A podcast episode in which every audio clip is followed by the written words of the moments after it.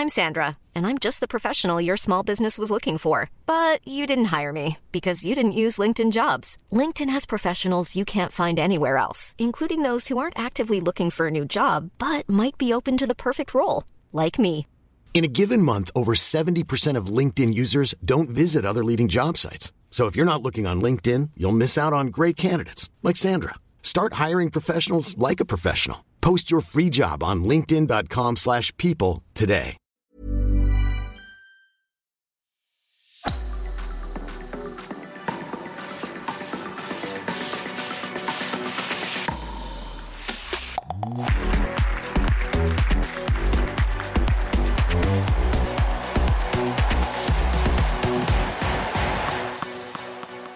Bane er tilbake. Vi var litt opptatt med Paris Masters i forrige uke, Dorthea. Eh, ny triumf da for Novak Djokovic. Han, han kjempa litt eh, tidligere i turneringa, men i finalen da, da var han ganske overlegen, rett og slett.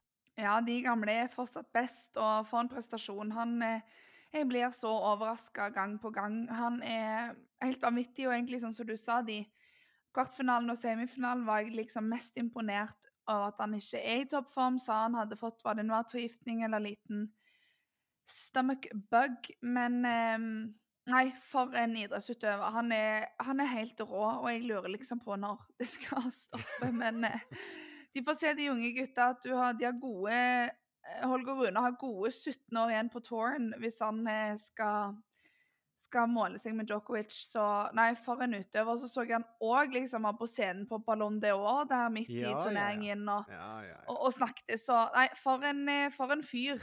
Han er helt rå. Det generasjonsskiftet som vi har snakka om, det Han sørger i hvert fall for å utsette det litt. Grann, da. Eh, jeg eh, rakk også en tur til, til London for å se Tottenham-Chelsea på mandag kveld. Det var jo ikke kjedelig. Nei. Og det var helt fett. Altså, vi satt og så på den altså, vi, Johanne sa det, jeg kan ikke gå ut og tisse med hunden nå, jeg må vente til pause. Og så lurte vi på det, hvor mye du fikk med deg egentlig. Fordi for de som ikke så Tottenham-Chelsea, så var jo det en helt syk kamp med hva var det, fem mål, men to-tre annullerte der og en offside og straffe. Og det var jo helt kaos allerede To, i første omgang. to røde kort og en del Ja. situasjoner som ble vurdert for rødt kort av VAR. Og det er jo akkurat det at ingenting vises på storskjermen. Nei, det var det vi trodde. Ja. Det Så du blir, sto der det som et spørsmålstegn, du. Ja, det blir jo ikke noe god publikumsopplevelse av det. Uh, så der uh, De har jo et stykke å gå med akkurat det. Altså når du får så mange VAR-situasjoner, når alt skal sjekkes, og så får du liksom ikke vite hvilke bilder er det det dømmes på. Men hvorfor viser ikke det på storskjerm? Nei, de er vel redde for at folk skal bli forbanna, da. Ja. Asbjørn Myhre skal bli forbanna på tribunen. Ja, nei, Men eh, veldig kult å se den på TV. Er det en kamp Så jeg var litt glad jeg egentlig så på TV, så var det Ja. den, fordi vi forsto jo litt hva som skjedde. Men eh, nei, for en eh, fotballkamp og for Pochettino å komme tilbake der, Ja, det var ja. Nei, veldig kult. Eh, VAR blir sikkert uh, diskusjonstema uansett uh, videre. Ja. Eh, vi er ikke helt ferdig med det. Eh, det er tatt ut en landslagstropp i fotball òg, til kamper da mot Færøyene og Skottland. Eh, høres ut som vi skal spille en sånn Nordsjøcup. Uh, bare få med Orkenøyen og Shetland. Kjenner jeg blir, blir ikke sånn kjempegira på de to kampene, altså, dessverre, eh, når det ikke betyr noe.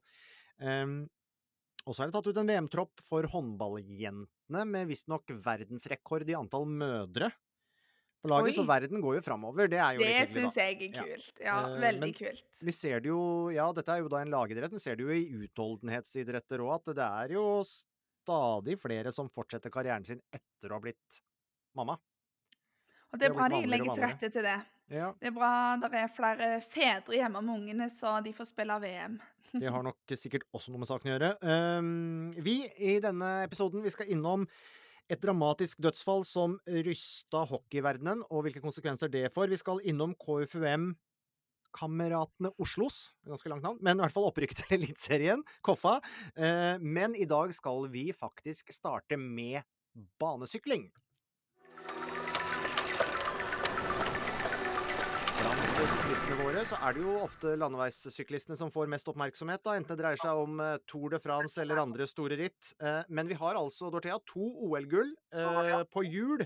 Eller på to hjul, og det ene var Gunn Rita Dale på terrengsykkel i 2004, og så var det Knut Knutsen på 4000 meter forfølgelsesritt på bane i 1972 i München. Og det fantes vel en slags velodrom med grus og jorddekke og litt sånn doserte svinger da han begynte å satse på Levanger.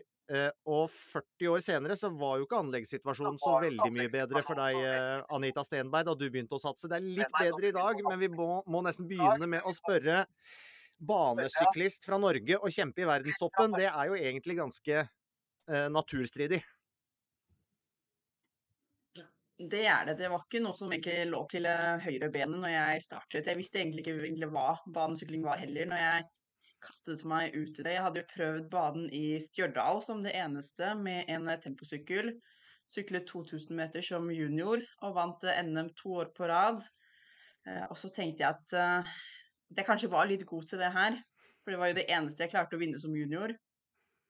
Og det var egentlig da jeg valgte at jeg skulle finne ut hva, hva banesykling var for noe, om dette var noe jeg ville satse på. Så jeg reiste til Ungarn, var på treningsleir der i et par uker. Var med dem på konkurranse, var litt i Polen på treningsleir. Og så bestemte jeg meg for at jeg måtte flytte et sted hvor vi egentlig kunne kombinere studier og banesykling. Så da flyttet jeg jo til Danmark som 20-åring og valgte å å, satse på banen da.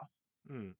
Uh, og nå er du med oss fra Mallorca, hvor du, hvor du bor og trener. Du, du fikk en uh, femteplass i Tokyo. Du satser mot OL neste år, så klart. Og vi skal snakke litt mer om det, men først den uka her får vi ta. Uh, først runde fire og finalerunden i det som kalles UCI Track Champions League. da skal dere til OL-velodromen i, i, London. Der er du nå nummer to sammenlagt i utholdenhetskonkurransen før helga. Du har eh, vært veldig stabil, har jeg sett på resultatene gjennom egentlig hele høsten med, eh, med de Champions League-konkurransene som har vært, eh, vært, kjørt. Og sånn sett må du vel ha vært ja, godt fornøyd med de Champions League-stevnene som har vært til nå, og regner med at du gleder deg fram til eh, finalehelga. Ja, det gjør jeg så absolutt. Altså, målet før Champions League startet var jo å komme i topp tre. I fjor ble jeg jo nummer fire med A-poeng sammen med canadiske Maggie, som da slo meg i den aller siste løpet den siste dagen i eliminasjon. Og hun fikk da tredjeplassen, selv om vi endte på samme poengsum. Eh, men nå har jeg jo selvfølgelig mål om å holde meg på nummer to, og så hadde det vært gøy hvis man kan utfordre Katie Archibald litt. Hun blir jo en hard nøtt å, å slå, men hvis hun feiler en, en gang eller to, så er det jo mulig. Ja, og det, og det, er jo snakk om hjemmefavoritten, ikke sant? Tidligere olympisk mester uh, Katie Archibald, som, uh, som, sikkert har skumle, skumle planer på hjemme, hjemmebane der. Det er, er, det tolv poeng som, som, skiller nå, før de siste konkurransene? Ikke det? Ja, det stemmer. Så i, i prinsippet, hvis jeg vinner alt og hun blir nummer to i alt, så, så vinner jeg. Men uh, det, det tror jeg er litt sannsynlig at det kommer til å gå den veien. Så vi må heller satse på at jeg fortsetter å levere stabilt. Og så må vi bare se hvordan Katie takler presset. Hun har jo feilet under press før, men uh, hun er jo også utrolig sterk. Så, så, jeg får gjøre mitt beste, og så får, vi, så får Katie gjøre det hun kan, og så får vi se hvem som vinner. Og du, eh, Hvordan er det å være altså Det er en idrett som ikke er så stor i Norge. Jeg som er fra, fra Stavanger, vet jo at det er kommet nå en eh, velodrom på Sola. Eh, men det er jo en større idrett i utlandet. Du som bor på Mallorca, trener, reiser rundt og, og sykler. Nå skal du til London. Har du opplevd at det er liksom lite forståelse, og at folk eh, i Norge kanskje ikke har satt seg sånn inn i liksom det sirkuset som, som du er en del av, da? Ja, det har jo blitt mye bedre med årene. Altså, når jeg startet, så var det jo nesten ingen som altså, visste om banesykling. De hadde sett, hørt om Knut Knutsen, og så hadde de sett litt sprint, så de visste at eh, at det var sånn to stykker som kunne sykle sakte og så plutselig stikke, men det var jo ingen som visste om Omnium som jeg drev med på den tiden. Det er jo blitt mye bedre med årene, og interessen har jo økt betraktelig. Men det er jo selvfølgelig ikke en norgesidrett ennå. Altså det er ikke på samme nivå som det er i Storbritannia eller i Italia eller Japan. Så men jeg tror det kommer. Altså når folk får mer innsikt og vi får to baner på plass og det kommer på en måte blir sendt med på TV, så tror jeg interessen og kunnskapen øker i takt med det.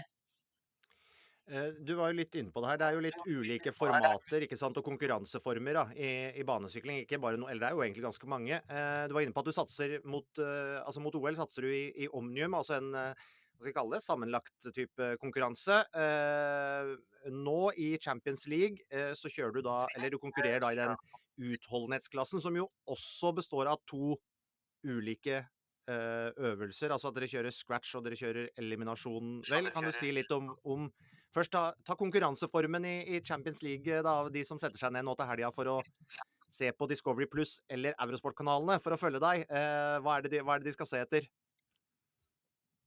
Ja, så Scratch er jo egentlig den mest simpleste formaten som publikum å følge. Det handler egentlig om å bare være først over eh, målstreken. Og så er det to taktikker. altså Enten så vil man ha en felles spurt, og så er det den som spurter over mål, som vinner. Og de som ikke kan spurte, de vil jo helst komme i brudd, eventuelt ta feltet med en runde. For har man gjort det, så leder man jo med en runde, og da vinner man jo. Mm.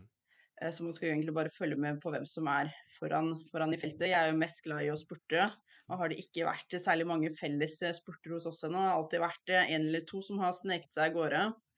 Så jeg håper jo på at vi snart får en ren fellesspurt. Mens eliminasjon er jo ganske spektakulært å se på. Det handler egentlig om å se på hvem som er bakerst annenhver runde. For den som er bakerst med bakhjulet annenhver runde, er jo den som blir tatt ut. Og Da er det også litt uh, forskjellige taktikker. Det er jo noen som helst vil ligge foran og dra. Og så er det jo typisk meg som henger litt bak der, og så liker jeg å spurte på, på slutten og liksom komme, komme, forbi de siste få meterne. Mm. Hvordan har akkurat det der vært? Fordi når du kommer på en måte fra et eh, land hvor miljøet er såpass lite, får vi si, da, for banesykling Én eh, ting er jo å skaffe seg den psykisk, fysiske kapasiteten som du trenger, men det å på en måte lære seg det taktiske og forstå det å kjøre i et, eh, hva skal jeg si, en gruppe i et felt på bane osv. Har det vært en vel så stor eller like stor utfordring som egentlig det rent fysiske? Det har jo selvfølgelig vært eh, vanskeligere. Så startet jeg jo i Danmark med å trene der, og da var vi jo alltid nesten sju stykker til trening. Da var det jo sånn organisert gruppetrening. Jeg er jo fort å orientere meg på banen med andre men det helt konkurransespesifikke fikk jeg jo aldri trent på, for da krever det at du har ryttere som egentlig er på samme nivå, og som er villige til å sykle på en spesifikk måte som en konkurransesituasjon, og ikke bare komme for å, for å trene. Så det er jo selvfølgelig noe som har vært litt vanskeligere. Så det har handlet mer om å egentlig snakke med treneren, se for seg situasjoner, se opptak, se film, og prøve å stimulere de samme utfordringene som kan skje, da, med bare to-tre ryttere tilgjengelig. Mm. Um, så var dere vel i Paris og kjørte her for bare noen få dager siden. Det er et OL som kommer, uh, kommer neste år. Der uh, satser du da i det som kalles omnium-disiplinen, uh, konkurransen. det består av flere typer øvelser. Sant? Det er en slags sammenlagt konkurranse, er ikke det riktig å si? Jo, så da har vi jo fire fire fellesstarter, egentlig, og så er det den med den høyeste poengsummen som vinner til slutt. Um, hvor føler du at du står da, med tanke på at det er litt under et uh, år igjen til OL? Det er selvfølgelig mye som kan skje uh, fram til det. Du har fått én erfaring nå med å delta i et OL, og alt hva det, hva det innebærer. Ja, altså det er jo alltid vanskelig å si. Jeg er jo helt sikker på at alle de andre damene som kommer på start, er like klare og forberedte som meg. Og de aller fleste har jo også vært med i et OL før. Det er jo veldig få konkurrenter som har lagt opp et OL, så alle, bortsett fra vinneren, har vel en ambisjon om å steppe opp. Eh, jeg syns jo selv jeg har tatt eh, gode steg og har utviklet både fysikken og det tekniske og det taktiske. Eh, så jeg er jo selvfølgelig mentalt forberedt på at jeg drar dit for å kjempe om en topp tre-plassering. Men jeg er også forberedt på at jeg er ganske sikker på at 98% av de andre damene også har den ambisjonen. Hvordan, hvordan ser dere på et OL? Det er jo ja, største som kan skje egentlig i de fleste idretter, men, men for deg er det liksom det store målet? Jobber du i en sånn fireårssyklus med, med, med målsetning, eller hvordan, hvordan ser du det for deg nå når du går inn i en OL-sesong? For meg så handler det egentlig mest om om meg selv i OL, altså hvordan jeg selv presterer og hva jeg klarer å levere. For jeg kan jo ikke styre de andre. Eh, så hvis man kun går etter et tall, så er det på en måte veldig vanskelig. Så det handler egentlig om at jeg skal, jeg skal ha det gøy på banen. Jeg skal kunne prestere og vise det jeg faktisk kan, og det jeg har gjort under trening. Og hvis jeg klarer å nyte øyeblikkene samtidig som jeg presterer på mitt beste, så kan jeg kun være fornøyd, egentlig.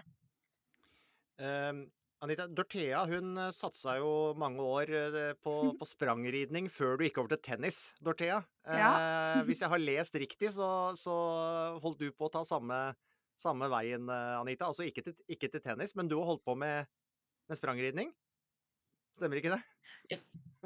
Jo, det gjorde jeg. i hest i mange år, fram til jeg egentlig var 15 år. Og det var jo det som var den absolutt store drømmen. Min bestefar var jo selv profesjonell, ikke sprang, han var mer til dressur. Men var jo sammen med Geir Gulliksen og, og Co på den tiden som han holdt på med. Så det var jo det som var min, min store drøm, inntil jeg fant ut at jeg syntes det var egentlig gøy å, å, bruke min egen kropp også. Og så gikk det jo over til, til sykling da, etter hvert.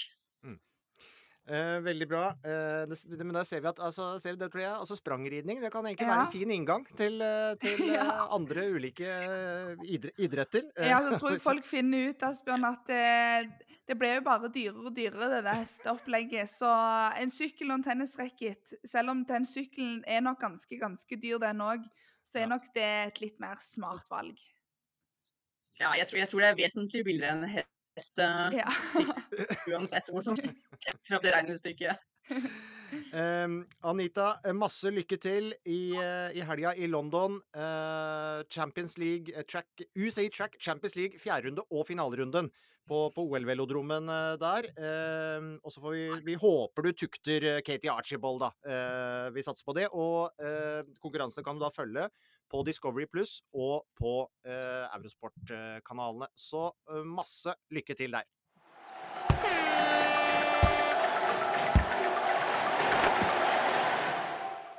Breddeklubb med toppfotball, historisk opprykk. KFUM Oslos mirakelferd til Eliteserien. Sensasjonelt opprykk. Dette er noen av overskriftene etter at eh, Vi får ta det formelle navnet. KFUM-kameratene Oslo Koffa rykka opp til Eliteserien for første gang i klubbens historie. Det skjedde altså etter 1-0 over Skeid i helga, og Koffa slår følge med Fredrikstad til øverste nivå i 2024. Eh, Tor Erik Stenberg, daglig leder, gratulerer. Hvordan har dagene vært nå, to dager etter opprykket? Tusen, tusen takk. Du, dagene har vært eh, hektiske, for å si det pent. Jeg tror ikke vi helt har landa ennå heller, etter eh, den der euforien vi opplevde nede på Intility. Så jeg håper den følelsen varer litt til. da. Den er utrolig deilig. det, det, er jo, det, er jo, hektisk å være daglig leder eller ha en annen rolle i en uh, sånn middels stor Obos-ligaklubb uansett. Men uh, det blir jo ikke mindre travelt av dette her, da? Nei, det, det, pleier ikke å være så store administrasjoner i disse Obos-ligaklubbene. I hvert fall eh, på vår størrelse. Så vi, vi fyller dagene. Så, men nei, altså, nå jobber du jo bare på ren energi, ikke sant. Så dette er jo bare moro. Uh, og ja, vi er, vi, er, vi er, relativt godt forberedt administrativt faktisk på at dette kunne skje også, så vi men, men det er hektisk, og det er morsomt mange snakker om at dette her er en eventyrhistorie. Jeg mistenker at dere som, og du, dere som har vært der lenge og jobba lenge eh, med dette her, ser litt annerledes på det eh, enn, at dette bare er et eventyr? Ja. Dette er eh, langsiktig, grundig arbeid over tid.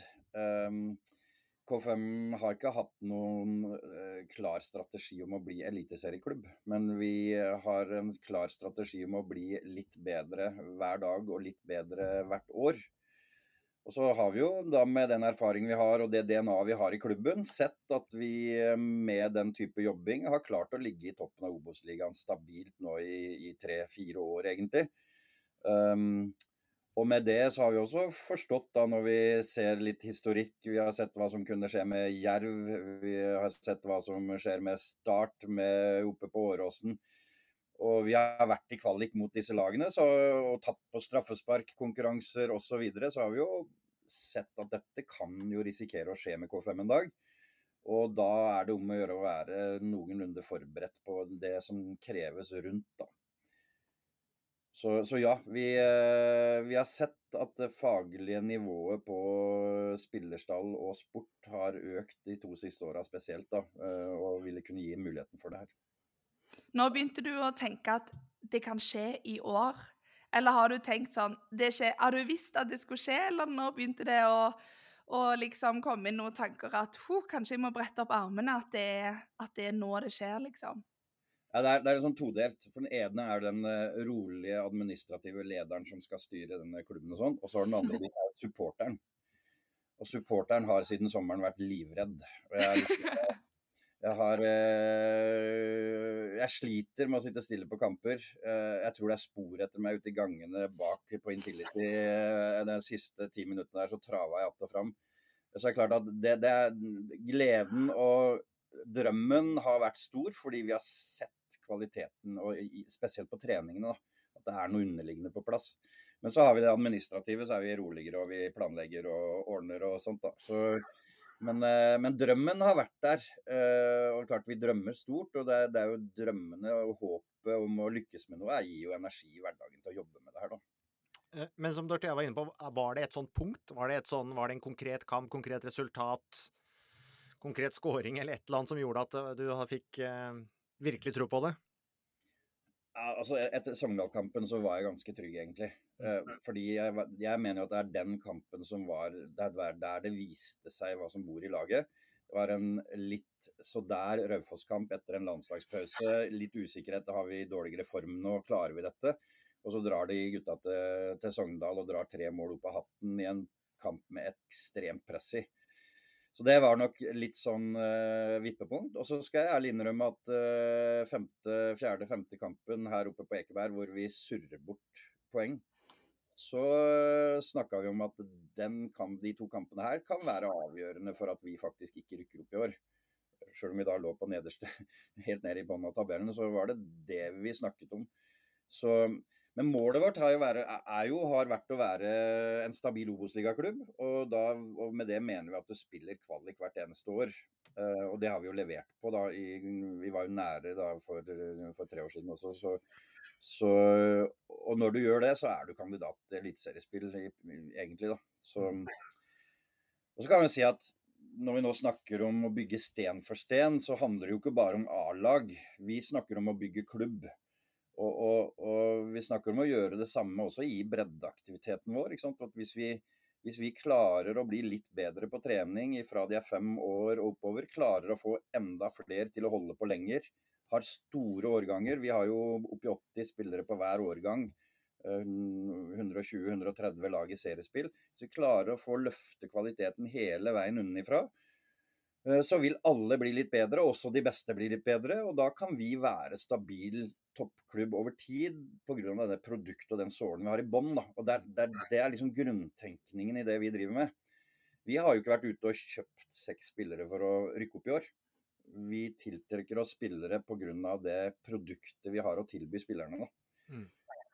Og så er det jo et spørsmål om det holder i Eliteserien. Det skal vi jo nå få testa ut. Det, fasiten på den kan vi ta med et år. men, men, men Tor Erik, det er, fotball er, liksom, det er jo øyeblikkets eufori, og det er så mange sterke følelser.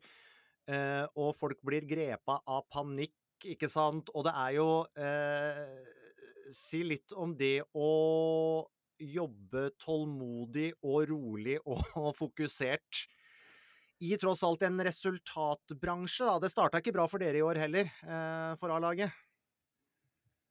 Nei, men det handler om å organisere klubbdriften med klare roller. Uh, og jeg, pleier å si at uh, altså, toppidrett og toppfotball er en egen bransje med et eget, det er et eget fag. Uh, og der har du en del roller som må være på plass. Og den rollen jeg sitter på nå, handler om å være, ha overblikk, se de lange linjene. Og ikke være følelsesstyrt eller resultatstyrt. Og, er det, det er, og det er det jeg snakker om nå, er jo produktet, innholdet, hverdagen. Er det, er det der vi trenger å være? Så der har vi lykkes, lykkes veldig, veldig godt.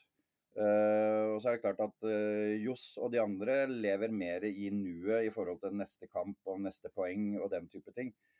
Men, men den, den, Ja, jeg, tror er, eh, jeg, tror det er, fryktelig viktig da, for å klare å være stabil over tid, at du har nok roller rundt som ser det lange bildet. Og sånn sett, nå, nå driver jo Daniel Fredheim Holm, som er vår sportssjef av året, da. Det er ganske kult at vi endelig har fått en sånn rolle på plass. Så er ikke vi så opptatt av titler, da, men han er jo en superfyr for det første, men også utrolig dyktig. Det vi jobber med nå, er jo 2024 for så vidt, men vi jobber med 25 og 26, og det har vi gjort ganske lenge nå. Mm. Så, så 24 blir uh, hurraår, det. og Vi skal gjøre det bra der. Men det viktigste er jo hva skjer med Hvor, hvor er vi i 2026? Uh, eh, og da ønsker vi fortsatt å være i Eliteserien. Uh, men vi skal også være rigga for å være knallsterke i Obos-ligaen hvis det skjer. Um, og, det, og, det, tror jeg er noe av styrken vår, at vi tenker langsiktig og har gjort det hele veien. Dere, ja. dere, klarer å ha begge unnskyld, Dorthea, men dere klarer å ha, ha begge de hva skal jeg si, tankene i huet, da. Eh, sånn du ser det. Altså, dere skal rigge dere for det første året i Eliteserien. Samtidig som man må ta høyde for at OK, vi, der har vi aldri vært. Uh, vi vet kanskje ikke helt hvordan det går, hvordan den opplevelsen blir. Kanskje må vi ned igjen i Obos-ligaen allerede året etter.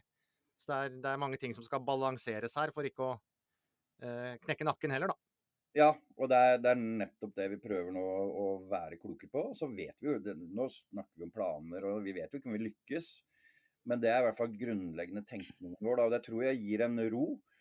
Uh, og jeg tror også ro i klubbdriften. Og jeg tror også det gir en ro rundt det sportslige som, skal nå, som presterer på toppnivå. da. Og jeg tror det gir trener- og lederapparatet en trygghet på at, uh, på at de har klubben med seg på veien. Ja, så syns jeg det er så kult, sånn som du sier. Det, jeg så det allerede liksom første kommentar etter opprykket, så var det vi skal fortsette å, å være en breddeklubb. Eh, og man ser jo ofte at enten så er man kanskje en breddeklubb, eller så har man liksom veldig god topp og, og veldig spissa. Eh, så ser man òg litt sånn tendenser til å i år så satser de skikkelig mye. De har brukt masse penger denne sesongen for å rykke opp. Men sånn som du sier, det fundamentet du har, altså dere har bygd, og du snakker om i, i, klubben, det er jo mer sjeldent, vil jeg si, kanskje i, i norsk fotball òg, og i Eliteserien, å ha liksom den skikkelig grunn, grunnen å holde seg flere år der oppe. At du liksom stoler skikkelig på ja, hele pyramiden, da. Eh, men litt spissing må vel kanskje til nå i Eliteserien. Hva tiltak eller tanker har du om å få liksom litt krydder og få ekstra toppen, sånn at dere forhåpentligvis holder dere der oppe? Ja, vi leter etter, vi leter etter krydder. Vi, vi ønsker å få med oss eh, noe som har litt it-faktor, ja. uh, og som kan tilføre gruppa noe. Og det er en sånn tenkning, altså Vi har også en, etablert en logistikkmodell uh, for styring av logistikken, og der er, et, er, det et av temaene. altså Spillergruppa elsker å få inn et eller annet som er dritbra. Sånn, som har skikkelig kvalitet. Det syns folk er morsomt å få inn i, i, i laget. Så vi, vi, ønsker å tiltrekke oss det, og håper det er noen der ute som syns at dette Koffa-produktet er, det er morsomt å være med på denne reisa. Og så er det, for å legge til litt til det første du sier, da, vi, jeg, jeg, er litt opptatt av at KFM er ingen perfekt klubb. Vi har, jeg kan gi deg flere ting som ikke fungerer, enn som jeg føler fungerer. Så, så vi er på en reise hvor vi skal utvikle oss hele veien. Uh, og, og, så er det sånn at Ja, vi er kanskje litt annerledes klubb på enkeltområder i forhold til norsk fotball, men vi har aldri vært i Eliteserien før.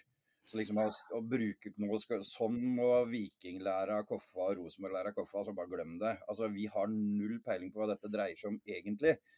Men samtidig er det kanskje noen grunntenkning her da, som, som vi i hvert fall står for.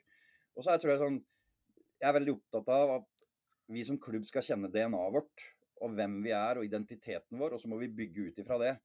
Um, vi, har ikke, vi, har ikke, store investorer som kan gi oss masse penger. Kanskje det er noen som har lyst til å være med på laget nå, så er de velkommen. Men, men vi har ingen som gjør, kan komme inn med 20 millioner som gjør at vi kan hente noen spillere for å gjøre noe. Og Da må vi bygge med det vi har. Og Det er det vi har gjort på veien. Og det tror jeg vi skal være nøye med å være trofast med, med og mot. da. Mm. Og så er det ikke noe galt å bruke penger og ha investorer og prøve å bygge ting. Så det, det er forskjellige måter å gjøre det på ut ifra det DNA og forutsetning klubben har. Um, så får vi se da om det tåler, altså om det tåler å klare å bære eliteserie med den tenkningen. Um, Og så, så, kom det jo en, eh, det kom jo en god nyhet eh, før helga også, med den rammetillatelsen som vel kom på plass nå, med tanke på ny, eh, ny arena. Eh, og så skal eh, kommunale garantier og sånn vel også på plass etter hvert her. Men det å få på plass den arenaen, og det er selvfølgelig et prosjekt dere har jobba med veldig, eh, veldig lenge, for fasilitetene er som de er. og mange lurer på hvor, hvor, skal, hvor skal dere spille neste år? Er plan A å få en disp og få spille der dere har gjort mot visse utbedringer, eller eh, hva, hva, hva, er på en måte plan, Hva er plan A? plan A er Ekeberg. Mm. Uh, det er det. Um, så vi skulle jo veldig gjerne hatt den andre anlegget ferdig nå. Og vi har jo vi har lykkes med Alt på klubbutvikling kan vi huke at vi har nådd, nådd målene våre. Infrastruktur ligger bak. Heldigvis så kommer det nå, da. Um, og vi har jobba med det som du sier, fryktelig lenge. og Det er vel egentlig medisiner mot uh, de greiene vi har holdt på med. med det her. sånn, vi, har holdt på, altså er, vi har jo hatt ADHD på dette her og, og, og ikke tenkt noe annet i ti år. Um, fordi vi vet at når det anlegget er på plass, så vil hele Oslo-fotballen få et enormt løft. Ikke bare for oss, da. Mm. Men, men nok om det. Men, men ja, vi, vi, ønsker å prøve å få til et anlegg på Ekeberg. Vi vet ikke om det går ennå. Eh, det vil kreve en del investering eh, økonomisk, eh, men det hjelper at vi da kanskje nå kommer i gang med den store byggingen. Og så kreves det en del dispensasjoner fra kommunen og litt støtte fra kommunen for å få det gjennom. Mm. Men vi har skisser som viser at det er mulig. Ja, for, det var egentlig det som var neste punktet mitt. At er det Du har kanskje større tro på en mulighet for å få disp holdt på å si, både fra, fra Fotballforbundet, fra kommunen Altså uh, de instanser man trenger å få en dispensasjon fra. Det er kanskje lettere å få det når de helt konkrete planene for en ny arena et par-tre år fram i tid uh, faktisk er på plass, da. Ja, det er helt riktig. Og vi hadde jo heller ikke fått spille Obos-ligafotball på Ekeberg hvis mm. vi ikke hadde hatt de planene liggende og, og det var realisme i at de kom til å bli vedtatt.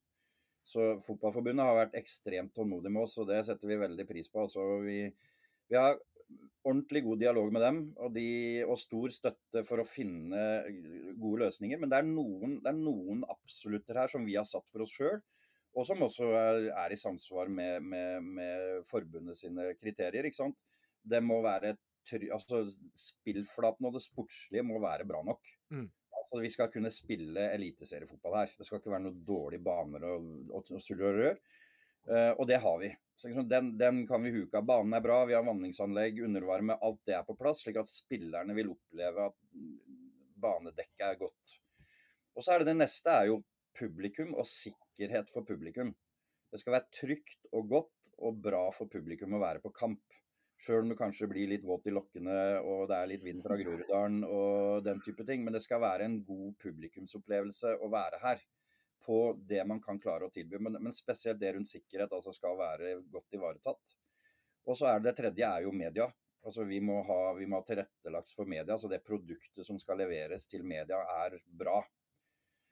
Uh, og så kan det jo hende at spillerne må vente på 74-bussen for å komme over veien. Det, det syns jeg egentlig disse her eh, Bodø-gutta og Tromsø-gutta bare har gått og lære litt om hvordan det er å vente. Jeg er helt enig. Jeg gleder meg til å se Amal Pellegrino springe over veien der for å spille kamp. Ja, men det... Ja. De har glemt igjen drakta i garderoben, ikke sant? Men det der husker jeg at det der, har, det der har eh, jeg vært med på med Mjøndalen i Eliteserien nå. Så det er ikke helt unikt at du faktisk må krysse veien for å komme fra garderoben og inn på spillflata. Altså, det hvis dere løser alt det andre, da, da regner jeg med at det også det, det, løser seg da. Ja, det gjør det. Og vi har jo gode rutiner, og dette fungerer bra i Obos-ligaen. Men det er klart, vi er tilbake litt rundt dette med sikkerhet og tilgang til spillere og en del sånne ting som vi eh, kanskje dessverre også har deler i norsk eh, gruppering hvor det koker litt, og kanskje koker over litt, som vi, vi må ha med oss da i, i, det nivået vi nå kommer opp til. Ellers er det fryktelig snilt på Ekeberg også. Vi uh, gleder oss i hvert fall masse til å følge Koffa i uh, Eliteserien uh, neste år. Nå gjenstår på en måte avslutningen av Obos-ligasesongen nå, men det blir vel bare en, en triumfmarsj. Og så blir det utrolig spennende å følge, følge utviklingen på Ekeberg videre. Du skal få lov til å gå tilbake til arbeidet. Det er ikke så mange måneder til eliteseriestart, Tor Erik? Nei, vi trenger de dagene vi har, da. Så Men så skal jeg vel si rundt den siste kampen, da, altså, min tidligere assisterende daglig leder, Ole Magnus Skisland, er jo styreleder i Start. Så vi har, jo, vi har, jo, lyst til å la han få kjenne litt på at vi har blitt eliteserielag. veldig bra. veldig bra. Eh, kos dere videre med opprykket, og lykke til med forberedelsene til 2024. I'm Sandra, and I'm just the professional your small business was looking for. But you didn't hire me because you didn't use LinkedIn jobs. LinkedIn has professionals you can't find anywhere else, including those who aren't actively looking for a new job but might be open to the perfect role, like me. In a given month, over 70% of LinkedIn users don't visit other leading job sites. So if you're not looking on LinkedIn, you'll miss out on great candidates like Sandra. Start hiring professionals like a professional. Post your free job on linkedin.com/people today. When you drive a vehicle so reliable it's backed by a 10-year, 100,000-mile limited warranty, you stop thinking about what you can't do and start doing what you never thought possible. Visit your local Kia dealer today to see what you're capable of in a vehicle that inspires confidence around every corner. Kia, movement that inspires. Call 800 333 4KIA for details. Always drive safely. Limited inventory available. Warranties include 10 year 100,000 mile powertrain and 5 year 60,000 mile basic. Warranties are limited. See retailer for details.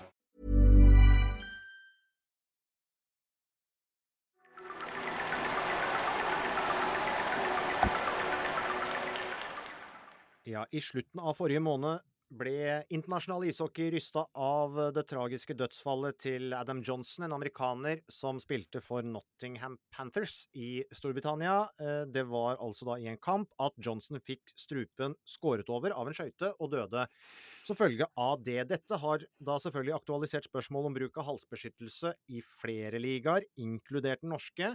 Men eh, for å bli litt eh, personlig først, Dorthea. Du har, som eh, mange vet, en samboer som spiller profesjonelt i Sverige. Hvordan reagerte dere på nyheten om det som skjedde i, England? Nei, jeg ble bare Du sier det nå, ble jeg helt uvel.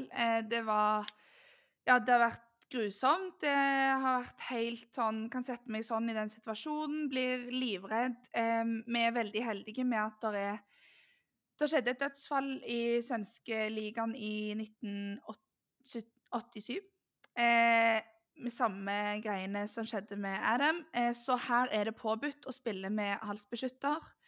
Eh, så heldigvis så spiller jo Johannes med det.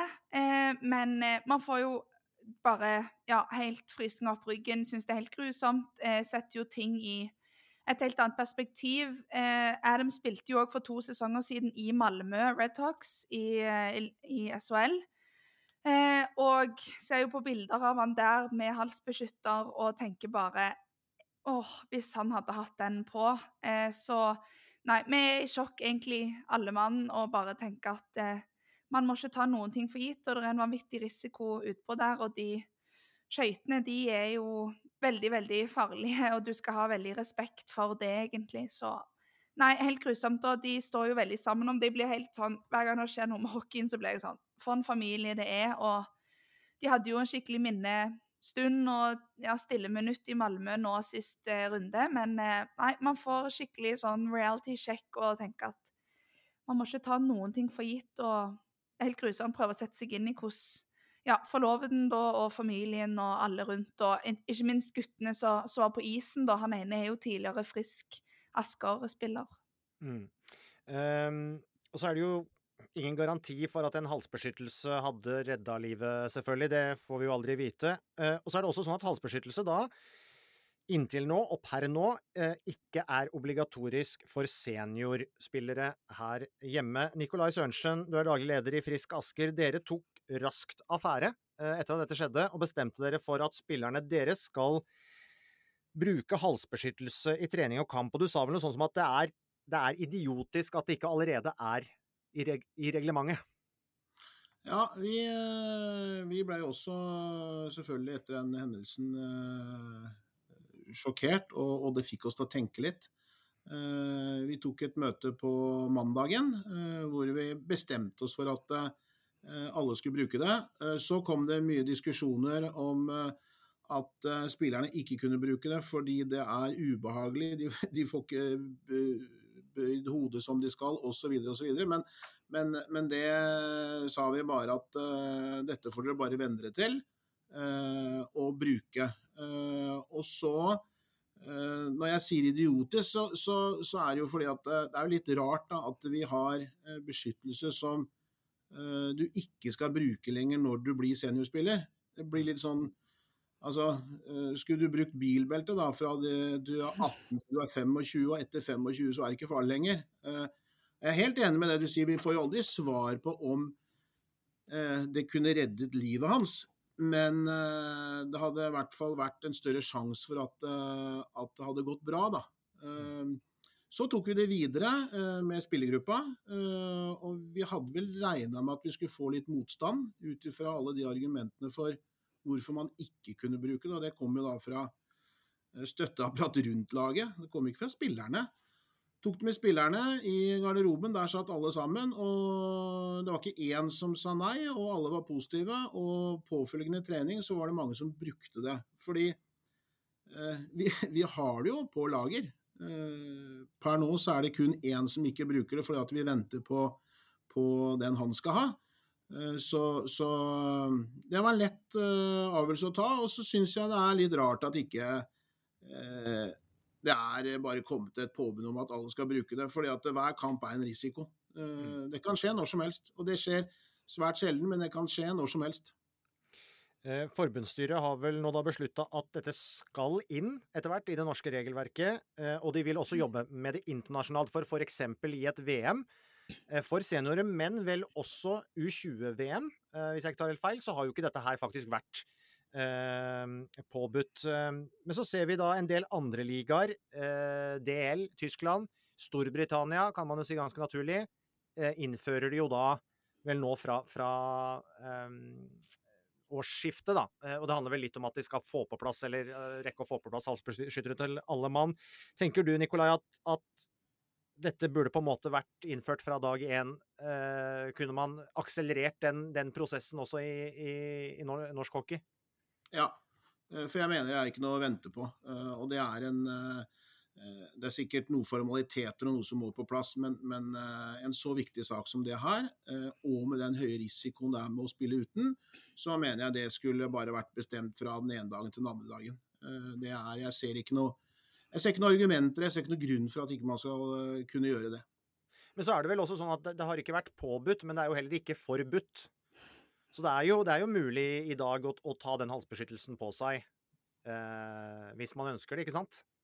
Ja, det er det. Og, og, sånn sett så er det jo litt rart at man uh, som spiller og, og, det ansvaret man har sjøl, og den risikoen det er, at man ikke bruker det.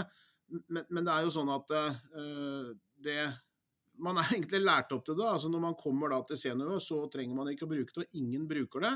Da er det veldig lett å ikke bruke det. Du ser jo effekten hos oss når eh, noen begynte å bruke det på trening eh, med en gang, og det er av de vel etablerte, kall det stjernespillerne våre, så kom alle andre etter. Så det er jo bare snakk om at eh, vi må begynne å bruke det, og noen må, må gå foran. Og så må det bli et lite, kall det spark i ræva fra fra klubbledelsen da, at du skal bruke det. Og her er det sånn Hvis du kommer som spiller her og du ikke vil bruke det, eh, da tenker vi sånn, da har du ikke så veldig lyst til å være her, så da, da, da sier det seg sjøl. Men som sagt, det er ingen som har sagt nei, og det har ikke vært noe problem i det hele tatt. Så Uh, nei, jeg tenker at uh, få på plass et, uh, et i utstyrsreglementet at det skal være påbudt. Du skal ha det. og det mener jeg du kan gjøre fra, fra, den ene dagen til den andre. Ja, jeg er helt enig. Og det er jo sånn som du sier, det til og med bare de desemberkampene. altså Det er jo en risiko uansett når du spiller, selv om det er lovlig. Eller du må ha det fra, fra 1.1. da i noen ligaer. Men det er viktig med de profilerte spillerne. Ser nå i NHL òg mange. Han TJ Oshie, Washington Capitals. De, de, ha, de, store gutta velger å spille med, og han sa det altså jeg har, jeg har barn, jeg har kone, jeg har familie. Det er liksom det minste jeg kan gjøre, og gå som et godt eksempel. Og det smitter når de ja, skikkelig eh, med store gutter med respekt og følger de unge gutta i garderoben etter. Jeg tror ikke de tør noe annet, eh, rett og mm. slett. Og litt ubehag, det får de leve med. Jeg tror det er viktigere at eh, det kanskje sitter noen foreldre på tribunen eller hjemme og kan slappe litt av. Så jeg håper på en sånn skikkelig dominoeffekt, og syns det er helt fantastisk at, at Frisk har sagt det som dere har, da. Men sånn som du sier, det er jo, det er jo bare å si ifra, og så følger jo folk etter.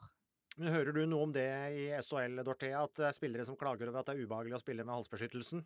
Det... Ja, altså ja. Eh, eh, jeg får jo litt klaging her hjemme. Hvis han er en sånn nybarbert eh, skjegg, så får han litt betente hårsekker og sånn. Og jeg mm. bare Det kunne jeg ikke brydd meg mindre om. Men eh, det var jo en situasjon nå forrige uke, en målvakt eh, som eh, ikke spilte med, med, halsbeskytter. Her får du jo bot. Eh, tusenvis av kroner i, i, bot for å spille uten. Og da klarte jo han å komme med en fantastisk kommentar om at eh, dere bruker feil energi, hva var vits å ta meg på det? Eh, så det er jo personligheter og profiler som står litt på sitt, og mener at det f.eks. som en målvakt, da, eh, med bevegelse og frihet, at det hemmer han skikkelig. Men er det én som kanskje får både ja, hastighet, eh, puck og skøyter mot seg, så, så, er det jo det. Så ja, jeg tror ikke, Vi har ikke snakket om det i og med at han har hatt det, spilt med det så lenge, men de årene i Tyskland spilte han jo uten, og jeg tror han er ja, Så at du bare glemmer at det er kanskje litt ubehagelig når det står et liv i, i fare. Litt, uh, si, litt, dårlig timing fra han uh, målvakta som, som eh, kom med det, det utspillet. Ja. Nå, uh, når du hører fra andre klubber, uh, Nikolai, så hva, hva, er, hva er, inntrykket ditt uh, bredt ut her? dette her kommer dette kommer til å komme på plass ganske, ganske, kjapt, avhengig av selvfølgelig av noen, noen vedtak. da. Ja, jeg tror, uh, i hvert fall de jeg har snakket med, så, så har man uh, lagt man har, Han har ikke gått og, og, påbudt, men man har lagt fokus på det, lagt det til rette. Og flere og flere bruker. Og jeg tror alle ønsker velkommen et sånn påbud så raskt det kommer som, som veldig bra. Og litt som dere snakket om i forhold til om det er ubehagelig. Det, er som, det, er som, å ha på seg en sånn bøff. det er ikke verre, og du har flere varianter, så, så det er ikke det store argumentet, det. Men nei, få det på plass fortest mulig, så vi ikke har den risikoen når de er der ute. Som så mye annet med utvikling, så må noen gå, gå foran. Her har dere i hvert fall gjort det, Nikolai Sørensen, daglig leder i Frisk Asker. Takk for at du var med oss. Takk.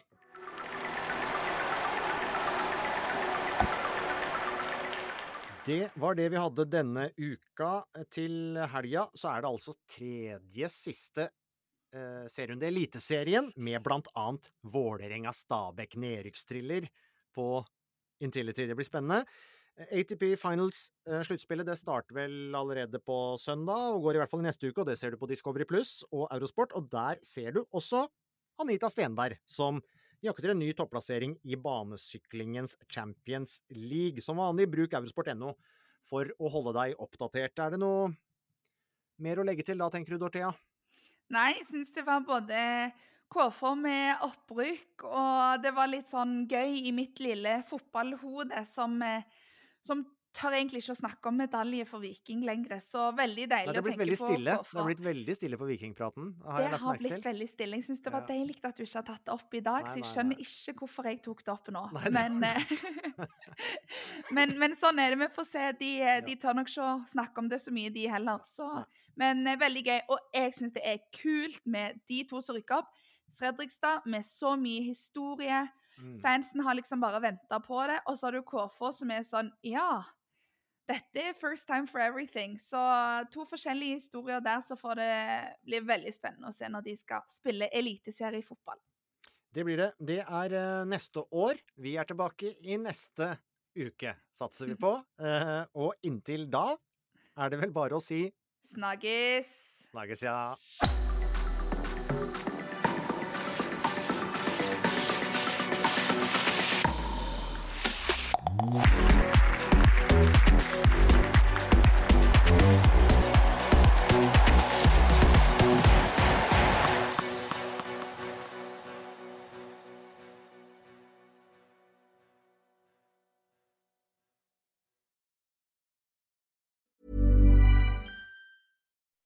When you make decisions for your company, you look for the no-brainers. If you have a lot of mailing to do, stamps.com is the ultimate no brainer. Use the stamps.com mobile app to mail everything you need to keep your business running with up to 89% off USPS and UPS. Make the same no brainer decision as over 1 million other businesses with stamps.com. Use code PROGRAM for a special offer. That's stamps.com code PROGRAM.